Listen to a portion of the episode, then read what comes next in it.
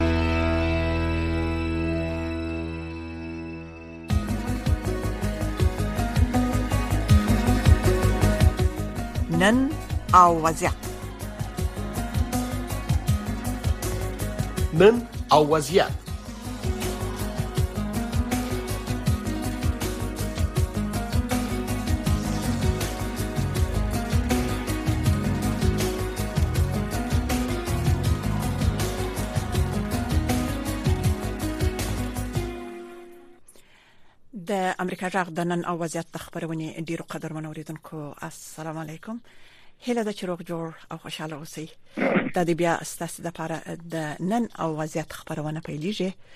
چې په دې خبرونه کې موږ هر وخت پر بیلا بیلو مسایلو باندې خبرې کوو پر مختلفو صحي مسایلو او ځینې نور ستونزو بعض وخت سیاسي مسایل یې بعض وخت صحي مسایل یې خو نن راځو په پاکستان کې د افغان مهاجرینو په حالت باندې خبرې کوو نو قدرمن اوریدونکو تاسو ته معلومه ده چې افغان مهاجر نن ورځ هم په پا پاکستان، ایران او په نور اروپאי ملکونو کې واقعا ډېری ستونزې لري نو د پاکستان هغه ستونزې چې په دا اوسنوي حالاتو کې چې مهاجرو یا کډوالو درلودې هغه واقعا ځینې وخت منلو وړ نه چې دونه خاص ستونزې چې نو نن موږ په خبرونه کې د پډيري مننې سره لمړی محترم عبدالحمید جلیلی صاحب دی چې په خیبر پښتونخوا کې د افغان مهاجرونو په خوانی اتشاو د تمزامات ورکړی دی او د یمو خبرونه ته میلمه کړی دی چې زه لمړی ودته سلامونه وایم او شرق لاس درته وایم محترم جلیل صاحب السلام علیکم په خیر اغلاست وعلیکم السلام استاد دلاري استاد محترم رادیو او ریدونکو تم سلامونه وکړي ډیره مننه محترم جلیل صاحب د چې موږ په پاکستان او په نورو ملکونو کې چې هغه هم ایران دی ترکیه د اروپאי ملکونو د دلی خپل دلته په امریکا کې د مهاجرینو پر ستونزو باندې ډیر ژغېدل یو او مشته خاص خاص رپورټونه هم د دې راځي موږ د دې شواهد هم لرو چې موږ ته په خبرونه کې ټلیفونونه کوي اکثر وخت د ستاسو ژغې یا صداي شما د خبرونه او د مهاجرو پر ستونزو پر دوی پر اوسنوي حالاتو باندې چې دوی په څه ډول ژوند کوي پر دې باندې ژغېدل یو خو بیا هم د چې اوریدونکو زموږ څخه د غوښتنه کړې ده چې بیا هم هغه ستونزې چې موږ لرو یا هغه مشکلات چې موږ لرو لطفا تاسو هم بیا د زموږ مشکلات په د میډیا د خوا څخه البته د رادیو د امریکا ژغ او د نورو رادیوګانو د خوا څخه تاسو نشر کی خو په هر صورت رابطو محترم جلیلی صاحب چې تاسو په تماس کې یاست که اوسنۍ په حالت یعنی د پاکستان کې د افغان مهاجرو یا کډوالو اوس په اوس حالت کې خاص ستونزې څه دي مهرباني وکړئ اصل کې زما په نظر باندې دا موضوع به یو بل زاویه نه سره مهرباني وکړئ مهرباني په ارتباط بحث وکړه دا چې د مهاجرینو نوعیتونو په ارتباط باندې تاسو معلومه ده چې د تاسو نوعیت مهاجرین دی یو هغه مهاجرین دي چې ثبت او راجستر دي پی او آر کارډوم لري سی سی کارډوم لري شاید د غي ستونزې نوعیت بدل وي او یو هغه مهاجرین او کډوال دي چې هغه دلته هیڅ ډول قانوني اسناد نه لري او په ځانګړي ډول د 2020م د اگست میاشتې د 15مې نیټې وروسته چې پاکستان ته راغلي دي په مختلفو لارو باندې او یعنی د اوسنی حکومت دراتک سره راځي دا مهاجرین ډیر پښتونځ کې دي د دې هر ډول ستونزې شته یو خدای دې چې هیڅ ډول قانوني اسناد نه لري د گشت او گذار په ارتباط باندې د نشي ګرځیدل په هر ځکه نیول کیږي د پاکستان د قوانینو په اساس هغه محاکمه کیږي بیا غي نورسته بارډر پاس کیږي جریمه کیږي د اولادونو نه بیليږي د ماشومان نه بیليږي په دې سلسله کې د خزي هم نیول شوې دي نارینه هم نیول شوې دي مریضان هم نیول شوې سپینګیره او ضعیف خلک هم نیول شوې همدغه مهاجرین د کار ستونزه هم لري چې کار وته نه پیدا کیږي او دا غي لږه ده چې د نشي کولای چې آزاد منی وګرځي همدغه مهاجرین د مکاتب یا د تعلیمي ستونزې هم ډېر زیات لري همدا د صحت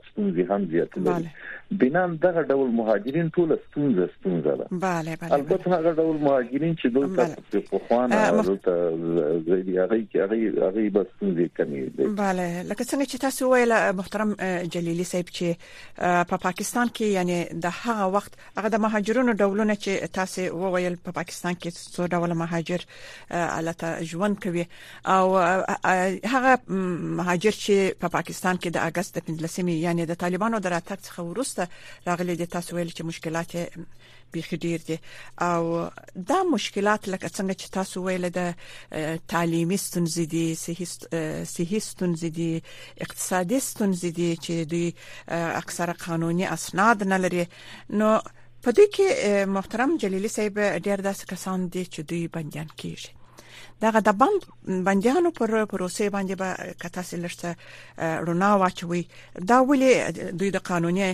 اسناد د نه درلودلو په اساس باندې دوی د محاکمه کیږي او زندان تلويږي او که یو بل ډول حالت دی مهرباني وکړئ اصل کې پاکستان کې د خارجي اتباع په اساس باندې کومه ماده یا قانون چې دلته عام تعبیر ونه د چل د فرنیټ کې یاره په بل معنا چې 14 فرنیټ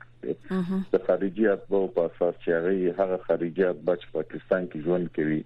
او هغه قانوني استادونه لري دغه په اساس باندې دا وی چې هغه د پولیسو لخوا نیول کیږي او وروسته د څو وخت او جرمانې نه د بن نه هغه د بارډر پاس کیږي یا خپل هیوادونو ته لیږل کیږي نو اکثریت دغه مهاجرین چې نیول شوی دي په همدغه قانون په اساس باندې نیول شوی دي چې د قانوني اسناد لري او د قانوني اسناد د نشټون په اساس باندې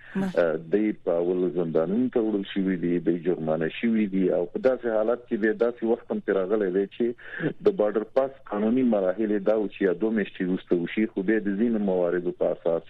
چې پاکستان کې بشته دی او دا یو معمول دی چې په خپل وخت باندې نه کیږي ډیر موضوعات نو د په میشتو میشتو څه چې په کلونو کلونو هم د په زندانونو کې تیری او دغه ډول مهاجرین داسې زندان به په پاکستان کې نیوي چې دغه ډول مهاجرین پاره کې اوس هم بنديان دي اوس هم په دغه اذیت باندې تیریږي او یو تعداد په مختلفو وختونو کې هغه باندې پاس کی دا په کوم ځای کې جلیل صاحب دوی بنديان دي په دوی کې خو معلومدار شزي او ماشومان او دا ټول یو سره اصل کې تعداد یو فرق کوي یو تعداد هغه وی چې دغه دغه ډول مهاجرین په ځینو هغه ځای اکثریت دغه خلک چې راغلي دي نو هغه کوشش کوي هغه مناطق ته لاړ شي چې هلته کاروبار شوي زما په نظر باندې اکثریت دغه خلک چې دی وو هغه د سپین بولډک د لارې د ایران د کوټې نه د کراچۍ ته حیدرآباد او د خارون ته ورسول نو د کراچۍ او حیدرآباد ټول زندانونو کې د خلک موجود دي همدارنګه د کوټې په زندان کې هم دا موجود دي او دا د پنجاب کې هم شته دي همدارنګه د په خیبر پښتونخوا په مختلفو ځایونو کې چې د کوټې د لارې د راتلونکو کوهاټ کې د سر موجود دي پیښور په سنټر جیل کې ډېر مهاجرین په دغه ډهاري پور په سنټر جیل کې ډېر مهاجرین شته د چال ته بنديان دي او د دې دغه انتظار کې چې خپل وخت پوره شي او د پاتر پات شي خو حالت اکثره مهاجر چې د دوی بنديان سوي دي او یا د د بارډر څخه دوی تیر سي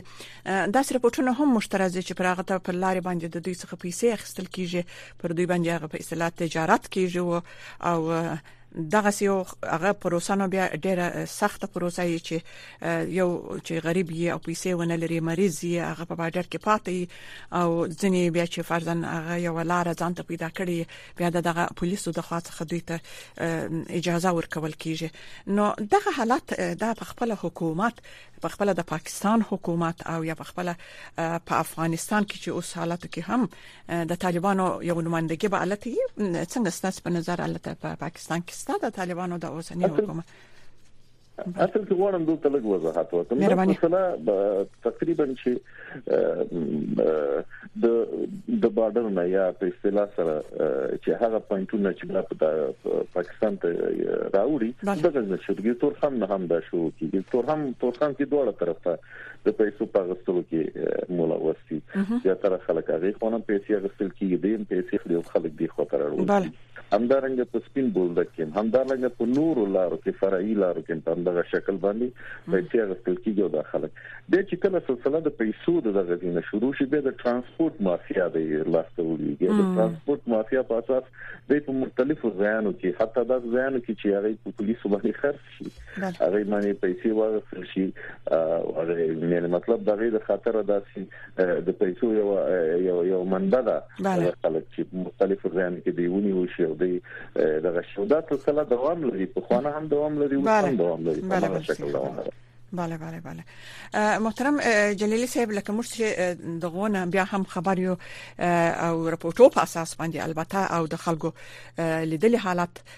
چې موږ وینو په پاکستان کې د اگست 15 څخه چې طالبان حاکمان شوی دي د خلکو حالت یعنی د مهاجرو حالت چې په هر ځای کې دوی مهاجر شوی دي دوی ډېر خاصو ستونزو سره مخامخ دي افغانان بچرګان دا سه رپورت مشته هم و چې په اسلام آباد کې د افغانستان سفارت چې د طالبانو د خوا څخه اداره کیږي دوی وایي چې دغه د افغانستان ته چې ستون افغانان چې ستنیږي یا هغه پاکستان ته ځي دا مشکلات به حل شي یعنی تاسو په جریان کې یاست چې دغه مشکلات اوس څنګه هغه د پخوا په حالت کې دي او که یو څه دلته څو ډول مهاجرین دي ما تاسو ته مخکې ویل یو هغه مهاجرین دي چې پیو آر کارډونه لري نو غي د خاطر د یو سی آر لخوا نه سنټر دی د وی آر سی سنټر شوی ولنټیر ډیپارټیشن سنټر چې دی نو هغه خلکو ته چې افغانستان ته پیو آر ولا زیری سره مرستین کیږي او هغه د یو سی آر او د پاکستان د سفارت د وزارت د مرستې په اساس باندې هغه ته افغانستان ته د سیستمز ستونزې نه لري دوه ډول نور مهاجرین پاتې کیږي یو هغه د چې سیسي کډونه لري او همدارنګه هغه مهاجرین چې هیڅ ډول اسناد نه لري دغه ډول مهاجرین پرته له دینه چې غواړي افغانستان ته لاړ شي نو دوی همیشه په ستونزو کې دي د نشي کولای چې افغانستان ته لاړ شي البته اوس په سیستم راغلی دی چې د دلته چې کوم د افغانستان حکومت اتشي دي هغه کې د غي نمونه لیکل کیږي د غي کورنۍ لیکل کیږي د یو اجازه نامه اخیستل کیږي د اجازه نامې نه روسته بیا هم په ډیرو ستونزو او مشکلاتو سره دي چې په تورخم کې انتظار وباسي کله کله په شپې هم راشي دوه درې شپې تیر شي د خلک د ډیرو ستونزو سره افغانستان ته واوړي په عام ډول سره کوم مهاجرین چې غواړي چې هغه خپل هیواد ته لاړ شي هغه یې نشي کولای یوازې دومره وشو چې تقریبا د اخترونو نمخکې لکه تیر کوچنی اختر کې او همدارنګه وسنی لوی اختر کې سور د پاکستان حکومت لخوا اجازه ورکړې شو چې د خلک په تذکره باندې افغانستان ته ولاړ نو دوی چې په تذکره باندې واوښتل او لاړ افغانستان ته بیرته بیا پاکستان ته راتللی سي او کیا غلطه باید په افغانستان کې پاتې دلته یو موضوع د یادونې وړ ده غدا ده چې د ځل د هغه تعداد چې وخت لاړ شي افغانستان ته غډیر زیات او دا غي تر شاته علتونه واغه دا و چې د تیر د نهم د مې نه چې روستا په اسلام آباد کې او په ټول پاکستان کې مظاهرات او شلو سنور موضوعات تور تور په اصطلاح وشو یو تعداد مهاجرین په دې کې په دې ارتباط معنی تقریبا د پاکستان د حکومت لخوا متهم شو چې دوی په دې کې موجود دي نو د پندې په خوشا کې د اسلام آباد او همدارنګه د لاهور په خار او په کراچي او په نورو ځینو سیمو کې حتی په پیښور کې دغه مهاجرینو په ارتباط معنی قوانين سخت شول او د ټلیفون د پولیسو لخوا د نیول زیات شو بنا دا ځل چې کوم مهاجرین ته د ډیر زیات تعداد کې د افغانستان ته لاره خو اوس هم تقریبا ټول کورو دغه مهاجرین په داخل پاکستان کې موجود دي چې هیڅ ډول اسناد نه لري او غي د وسوندي ورسره بر د غیمندې ستونزې مشکلات ته زیاتېږي د دغه خلکو د دغه مهاجرو د پاره چې د اسناد لري او ستونزې لري او په تعداد هم ډیر دی داسې خاص وکیلان د دوی لپاره نه دي چې د دوی دفاع وکړي په اصطلاح د یو وکیل ونیسي د خوستا د لایر ونیسي د کې دوه موضوعات یو دا موضوعات دي چې په کار خدا ده چې د افغانستان اوسنۍ حکومت دی یو لوی میکانیزم په اساس باندې په یو لوړ سطح باندې د پاکستان حکومت سره په دې ارتباط باندې مذاکرات وکړي او د یو د یو یو ستراتیژي په اساس باندې لکه څنګه چې په 2013 کې مو دغه ډول مهاجرین د ای سی سی کارت ګډونه به ته ورکه او د خلک مو ثبت راجستر کړي او د خلک مو د دې خلکو ته امنیت او بخښو د خلک تر اوسه پورې په امنیت کې په پاکستان کې ژوند نو دغه اوسنی حکومت مسؤلیت چې پاکستان حکومت سره د دغه مهاجرینو په اړوند باندې مذاکرات وکړي کینی او په غټه سطح باندې د سره خبري وکړي تر څو چې دغه مشکلات حل شي دغه دغه دا چې یوازې د یونیسیار لخوا نه هغه مهاجرین چې پی او آر کارونه لري او هغه هغه ته د شارب د ادارې لخوا نه یو تعداد وکیلان په مختلفو ځایونو کې شته چې هغه سره واځي مرسته کوي دغه ډول مهاجرین سره هیڅوک مرسته نه کوي شته ځینې ولنټیر وکیلان شته دي چې هغه ورسره مرسته کوي خو دا دومره کافي تعداد سره نشته دي دغه ډول مهاجرین هیڅ ډول پښتنه په پاکستان کې نشته دي نه څوک आवाज اوري نه څوک شکایت اوري او څومره سخت مشکلات په تیریږي دا غي د اصلي کیفیت او اصلي حالت ته څو خبر نه وي bale bale رښتیا هم جلیلی صاحب لکه څنګه چې موږ خبر یو په پاکستان کې د افغان مهاجرونو یعنی هغه ځوانان چې په پا پاکستان کې اوسېږي او دوی تعلیمي فرضاً تعلیمي ستونزې لري اقتصادي ستونزې لري لکه څنګه چې تیر اونۍ یو رپورت و چې د پاکستان د خواست څخه چې افغان محصلین الته دوی ته په خوا به یو څه پیسې یا یو څه ورکول اوس هیڅ شي نشته چې و دوی ته ورکړي نو ستاسو نو ستاسو په نظر دغه افغانان چې الته دوی محصلین دي او دوی د اقتصادي ستونزو سره مخامخ دي ولې د پاکستان دولت پر دوی باندې هغه کومک چې د دوی سره کولی یا اقتصادي کومک البته دا ولې اوس پر دوی باندې لږ سوي دي علت یې څه دی د کې وضاحت غواړم چې وکم یو دا چې هغه مهاجرین چې ځوانان مهاجرین دي هغه څه ستونزې سره مخامخ دي هغه ستونزې تاسو معلومه ده چې پاکستان اقتصادي وضعیت په داسې حالات کې نه دی خبره د پاکستان د حکومت د ارقامو په اساس باندې چې کال تقریبا تر 15 لکه پاکستان پاکستاني ځوانانو دا کوشش کړی چې خپل هیواد ته وي په همدغه شکل معنی افغانان ځوانان هم نفس مشکلات سره چې مهاجرین دي هغه تقریبا دوچار دي پاتې شو هغه ځوانان محسنین چې د افغانستان د مهاجر نه دي بلکې د علامه اقبال سکالرشپونو په اساس چې پاکستان پاکستان حکومت هر کال د افغانستان حکومت ته ورکول هغه دلته راغلي یقینا هغه په سن سره مخامخ دي یو څه دا هغه چې هغه وخت کې راغلي دي اوس په دریم سمستر دیم سمستر په مختلفو سمسترونو کې دي په اولنی سمسترونو کې چې نو هغه ته هغه سکالرشپ د پاکستان د حکومت نو ورکول کېده لیکن اوس په زیاتره یونیورسيټانو کې زیاتره پانتونو کې تقریبا اکثریت پانتونو کې هغه سکالرشپ دی ته نه ورکول کیږي او د په مختلفه تا په پاستانونو کې د مشکلات دي د پروفیسونو کې د مشکلات دي د جیب خرڅ مشکلات لري او دا تکلیف دا دا دا, دا مشکل دغه دی او دا د افغانستان د حکومت مسولیت دی چې پاکستان حکومت سره دا غژمنو په اساس باندې چې دغه محصلین سره کړی وای پوری bale bale واقعا د ځوانانو دغه مشکل بیا چې د دوی تحصیلي مشکل لري چې فرزند دوی سکالرشپونو کې او اکثره یونیورسيټانو کې چې دوی ته کافي اندازه غد دوی معاش نور کول کیږي دا واقعا د بل لوی ستونزه ده په پاکستان کې د شوزو تعلیمي حالت په څه ډول دی د افغانو شوزو تعلیمي ستونزې او یا حالت د دوی په څه ډول دی جلیل صاحب مخکې خو د یونیسیار د لسانه مختلفو کیمپونو کې البته یو خبر یادونه غواړم چې وکم زموږ درې دې فیصد مهاجرین یو کیمپونو کې اوسېږي نور ټول مهاجرین چې دغه پار په ایریا کې اوسېږي پار په ایریا کې د د نړیوال ټولنې لپاره د هیڅ جهات لپاره د خزو د د د قانون په ارتباط باندې خاص پروګرامونه نشته البته د افغانستان د حکومت لخوا چې د پخوند معارف اتشي وی ځینې ډېر محدودي لیتي موجودي دي هغه کافي نه دي او یو تعداد زمونږ افغانان چې دغه پاکستاني مکاتب وته او پاکستاني کالجونو کې درسونه وای خو دا چې دغه اقتصاد د تقاضا نه کوي چې هغه رفیسونه ورکي او یاغي تقریبا هغه پوره کی هغه ستونزې په خپل ځای مانشته وي او چې کوم په کمپونو کې دي په کمپونو کې یوازې د یونیسیاد لخوا تر شپږم صنف پورې هغه ته د مختلفو تندلیږي د شپږم وروسته به دلته هم په کمپونو کې د انټرنیشنل اداراتو لخوا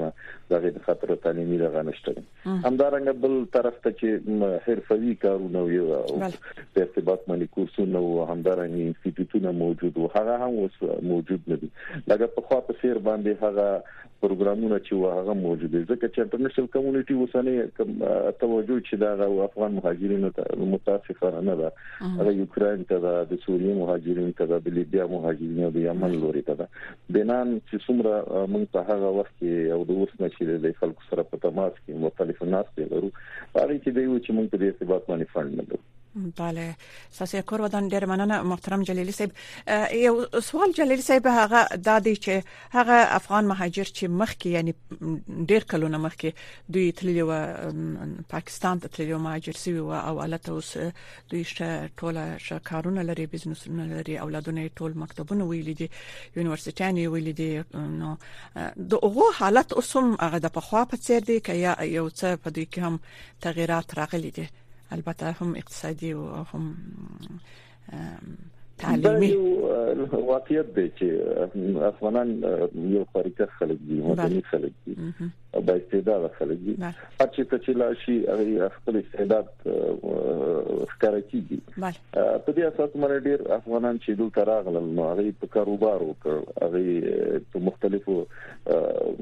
برخو کې سرمایه گذاري وکړه تر اوسه پورې ډیر خزلې دي یقینا یو تعداد افغانان په ډیره لوړه سطح باندې دلته ژوند لري هغه پوره غټ غټ کاروانونه لري هغه همدارنګه دلته ډیر زیات انویسټمنټ کړی دی خو اکثریت دغه سي افغانانو چې دی هغه پاکستاني کاغذونه ترلاسه کړی دی اوس د پاکستاني نمونه مانی دلته انویسټمنټ کړی دی او دلته سرمایه گذاري کړې پاکستان حکومت هم دغه چې خلکو ته چې دلته انویسټمنټ وکړي سرمایه گذاري وکړي او سم مشکلات ونه لري باید نور ځان نه سرمایه جلب او جذب کړي او یو تعداد داسي چې هغه افغانان چې د دې هغه تشویقي هغه افغانان چې د افغانستان نه خام مواد دلته راوړي او دغه کې کاروبار کوي یا د پاکستان کې افغانستان تجارت کوي هغه هم د سره مرسته کوي او د غیر تک اصطلاح ملحوظ نظر دي او دا د تعداد مهاجرین شته دي او او متوسطه برخه هم د مهاجرینو موجوده ده چې هغه تقریبا چې په متوسط متوسط ډول باندې هغه د سرمایه گذاري کړي او اقتصادي مشکلات نه لري بله او لکه څنګه چې د اوسنۍ حالاتو کې چې د پاکستان ته د البته د اگست 15 می څخه چې طالبان د طالبانو د حکومت څخه ورسته چې دوی تللی دی پاکستان ته او مهاجر سوي دي اکثره زموږ خويندې دي الته خپل ځنې داسې شخصي کارونه را استلې دي لکه فرزن خیاطي د یا نور رستورانونه دي دغه حالت تاسو د اوس تاسو نه افغانانو چې ویني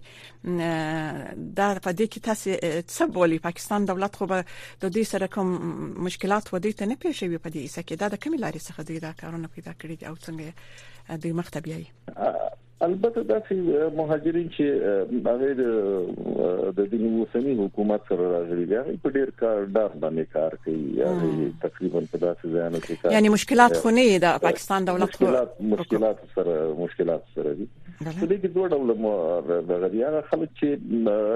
د افغانستان ځینې خلک داسې دي چې هغه زنانه کار کوي لیکن هغه مختلفو ځایونو کې په اسلام آباد ښار کې ما وکتل په دې په خاص کې یو تعداد افغانان یو کتلی چې خزي وی چې هغه مختلف وړو دي کورونه جوړ کړی او چې بولانی دي کې خو هغه ټول چې افغاني خوراکونه خرڅول همدارنګه د کراچي ښار کې مونږ دغه سیسټه دی چې په دې کې بس پښته غوډې د کم تعداد سره خلک دي خو یو تعداد خلک دا چې وی چې هغه زمونږ د روایتي او سنتي د دوت په اساس باندې هغه خزي کار ته نه پریږدي او تقریبا نارینه یوازې کار کوي ومن حيث مجموع دغه ډول خلک چې د ډېر ستونزې لري هم اقتصادي ستونزې لري هم امنیتي ستونزې سره لري هم د اسنادو نشټون په اساس باندې لري او هم تعلیمي او صحي ستونزې لري محترم جلیلی صاحب د ورستي پښتنې په ډول به تاسو ته وایم چې هغه مهاجر چې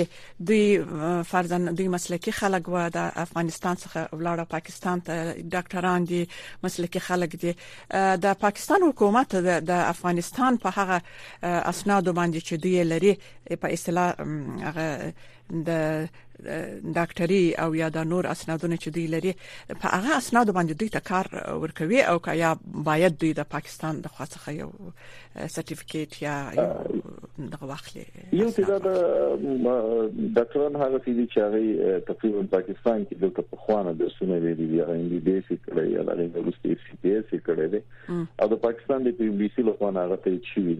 اي کولای شي چې مختلفو ځایونو کې خپل پریکټیس وکړي سم مشکل وته نشته دي خو هغه زمونږ افغانان یا ډاکټران یا نور چې هغه د افغاني افغانستان د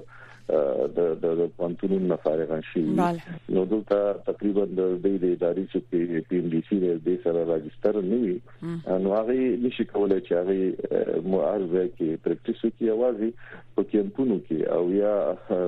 بعضې ځایانو کې د مثال په ډول په پېښور کې یوازې د بوټ په ساحه کې کولای شي چې هغه خپل پریکټیسي د نور ځایانو کې به به باري بندي بله ستاسو کور ودان بیا هم ستاسو ورستي پیغام و اوریدونکو ته موږ یو دوه دقیقې نوري هم لرو نو که تاسو هغه افغان کډوالو ته چې دوی مهاجر شوي دي و نور ملکو ته هم ستاسو توصيه و دوی ته څه ده د یو افغان په صفت باندې چې د افغان په صفت باندې دا چې اول خو د افغانستان حکومت نه غوښتل دا چې دغه ځوانان چې تحصیلات د ځوانان دي زمونږ کډرونه دي د دې د د کار په ارتباط باندې باید وته د مشکلات او تکالیف حل شي تر څو چې د افغانستان له مهاجر نشي همدا خلک چې افغانستان د آبادولو توان لري او همدا خلک چې زمونږ آینده نه آینده زمونږ آینده دی پرې تړلې ده دا ول مسولیت دا و دی او ډېر مسولیت دا دی چې باید غتوانان هم کوشش وکړي چې د خپل وطن کې پاتې شي دغه مشکلات او دغه تکالیف چې په لارو کې دي زموږ یقینا کوي چې مشکلات په هیواد کې شته وي لیکن دا تکالیف چې په لارو کې ژوند یو به په لارو کې مختلفو بډورونو کې اړې د مختلفو سرحدي عسکرو لخوا نه وجل کیږي یا په سیندونو کې په بحرونو کې دا غي د مایانو خوراکي یقینا دا متاسف ځای دی نو بنان ځوانان د کوشش وکړي چې داسې یو لار دی اختیار کړي چې دغه مشکلات د کینې خو په داخله افغانستان کې کولای شي ځان مصرف کړي دا ډیره بهتره دی ډیر الله کور دی ودان او په خاص ډول زه هم د هغه افغانانو څخه چې دی ځوانان دي او د پر مختلفو لارو په ډیر ستونزمنو حالاتو کې دی و نورو ملکو ته ځي هله ده چې دوی لکه تاسو چې ویل دوی باید یو داسې لار غواره کړي چې الته په افغانستان کې دوی د کچيري شرایط ورته مساعد وي دنو د طالبانو د حکومت څخه او په خپل د افغانستان د حکومت څخه د ټولو افغان کډوالو د غشتنه ده چې د دوی سره مرسته وسی او د دوی سره هغه سه د غوس چلن وسی چې دوی ته په دفترو په کارونو ور پیدا سي نو قدرمنو اوریدونکو زموږ د خبرونه چې نن زموږ سره محترم میلما عبدالحمید جلیلی صاحب وو چې په خیبر پښتونخوا کې د افغان مهاجرونو په خوانی اتشاو د سره موږ خبرې وکړلې محترم جلیلی صاحب ستاسو د معلوماتو څخه ستاسو څخه ډیره ډیره مننه چې خبرونه ته حاضر شول او موږ پښتون ته جوابونه راکړل ستاسو کور ودان د قدرمنو اوریدونکو څخه به د خدای پاماني وکړو چې د نن او وضعیت خبرونه په همدې سره پای ته ورسېدله زموږ بل خبرونه چې ستاسو ژغ یا صداي شما خبرونه ده دا په لند وخت کې پیل سي بیا هم کومې ستونزې چې تاسو د کډوالۍ په برخه کې لري یا د مهاجرت په وخت کې یا په پاکستان کې اوسېږي یا په افغانستان کې هغه څه مشکلات چې د دې لارې څخه تاسو کولای شئ چې خپل ژغ پورته کړئ او خپل غوښتنې او څه پیشنهادونه چې لري هغه د ساسي ژغ د پروګرام د خوا څخه تاسو سره زموږ سره مطرح کړئ نو تر بل خبرونه تاسو ته شو وخت غواړم کورمودان شپه مو په خیر لږ ورسته زموږ بل خبرونه پیلېږي چې هغه صداي شما یا تاسو ژغ خبرونه ده